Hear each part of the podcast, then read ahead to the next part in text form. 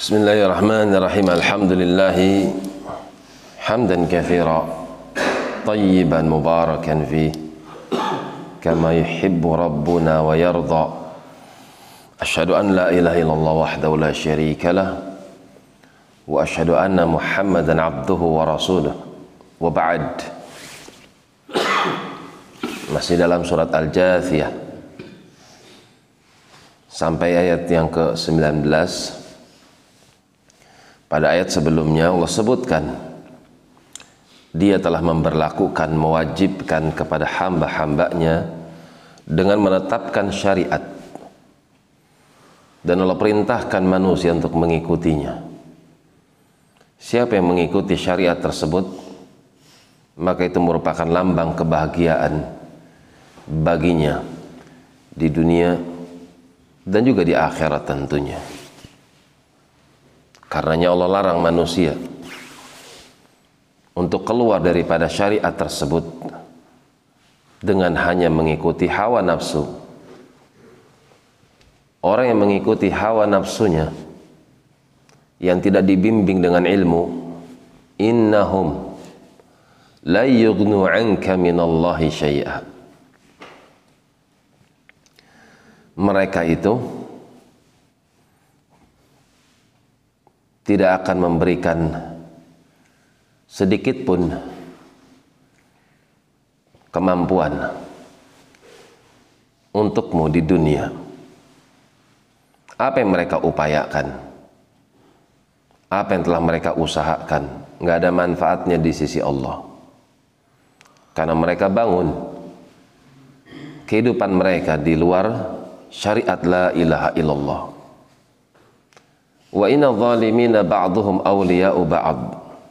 Orang-orang yang zalim itu dari kalangan kaum musyrikin. Orang-orang yang tidak mau mengikuti jalurnya jalannya. Sebagian mereka memang sebagian penolong dengan sebagian yang lain.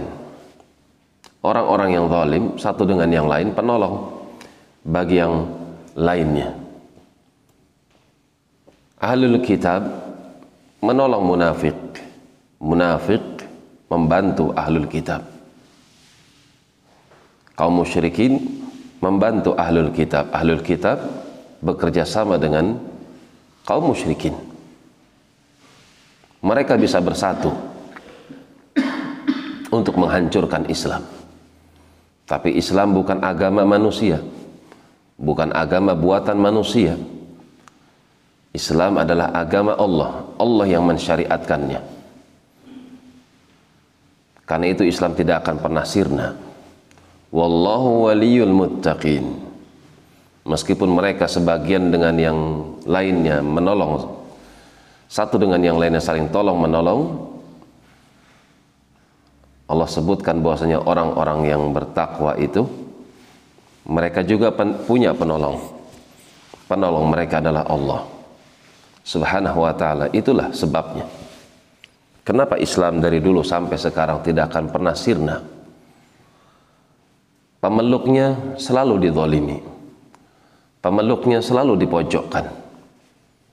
Akan tetapi Islam tetap jaya. Islam tetap mulia. Karena Allah waliyul muttaqin karena mereka punya penolong. Penolong mereka adalah Tuhan mereka yang maha kuat, yaitu Allah Subhanahu wa taala. Hadza basairu linnas. Maka Allah umumkan kepada kaum muslimin Quran itu adalah petunjuk bagi manusia. Wahudan sesuatu yang membimbing mereka. Warahmah dan sesuatu daripada bentuk kasih sayang Allah untuk mereka. Namun siapakah yang bisa merasakan Quran itu adalah hidayah, Quran itu merupakan rahmat Allah, Quran itu merupakan keterangan yang membimbing manusia liqaumi yuqinun yang bisa merasakannya adalah orang-orang yang yakin dengan apa yang disebutkan di dalam Al-Quran. Seorang yang yakin dengan agamanya. Seorang yang yakin dengan kitabnya. Maka dia akan merasakan bagaimana bagaimana rahmat Allah Subhanahu wa taala yang Allah berikan kepada hambanya lewat syariatnya. Dia akan mendapatkan kebahagiaan di dua negeri di dunia dan juga di akhirat. Demikian wallahu taala alam bisawab subhanakallahumma wa bihamdik asyhadu an la ilaha illa anta astaghfiruka wa atubu ilaik. Tafadhalu barakallahu fikum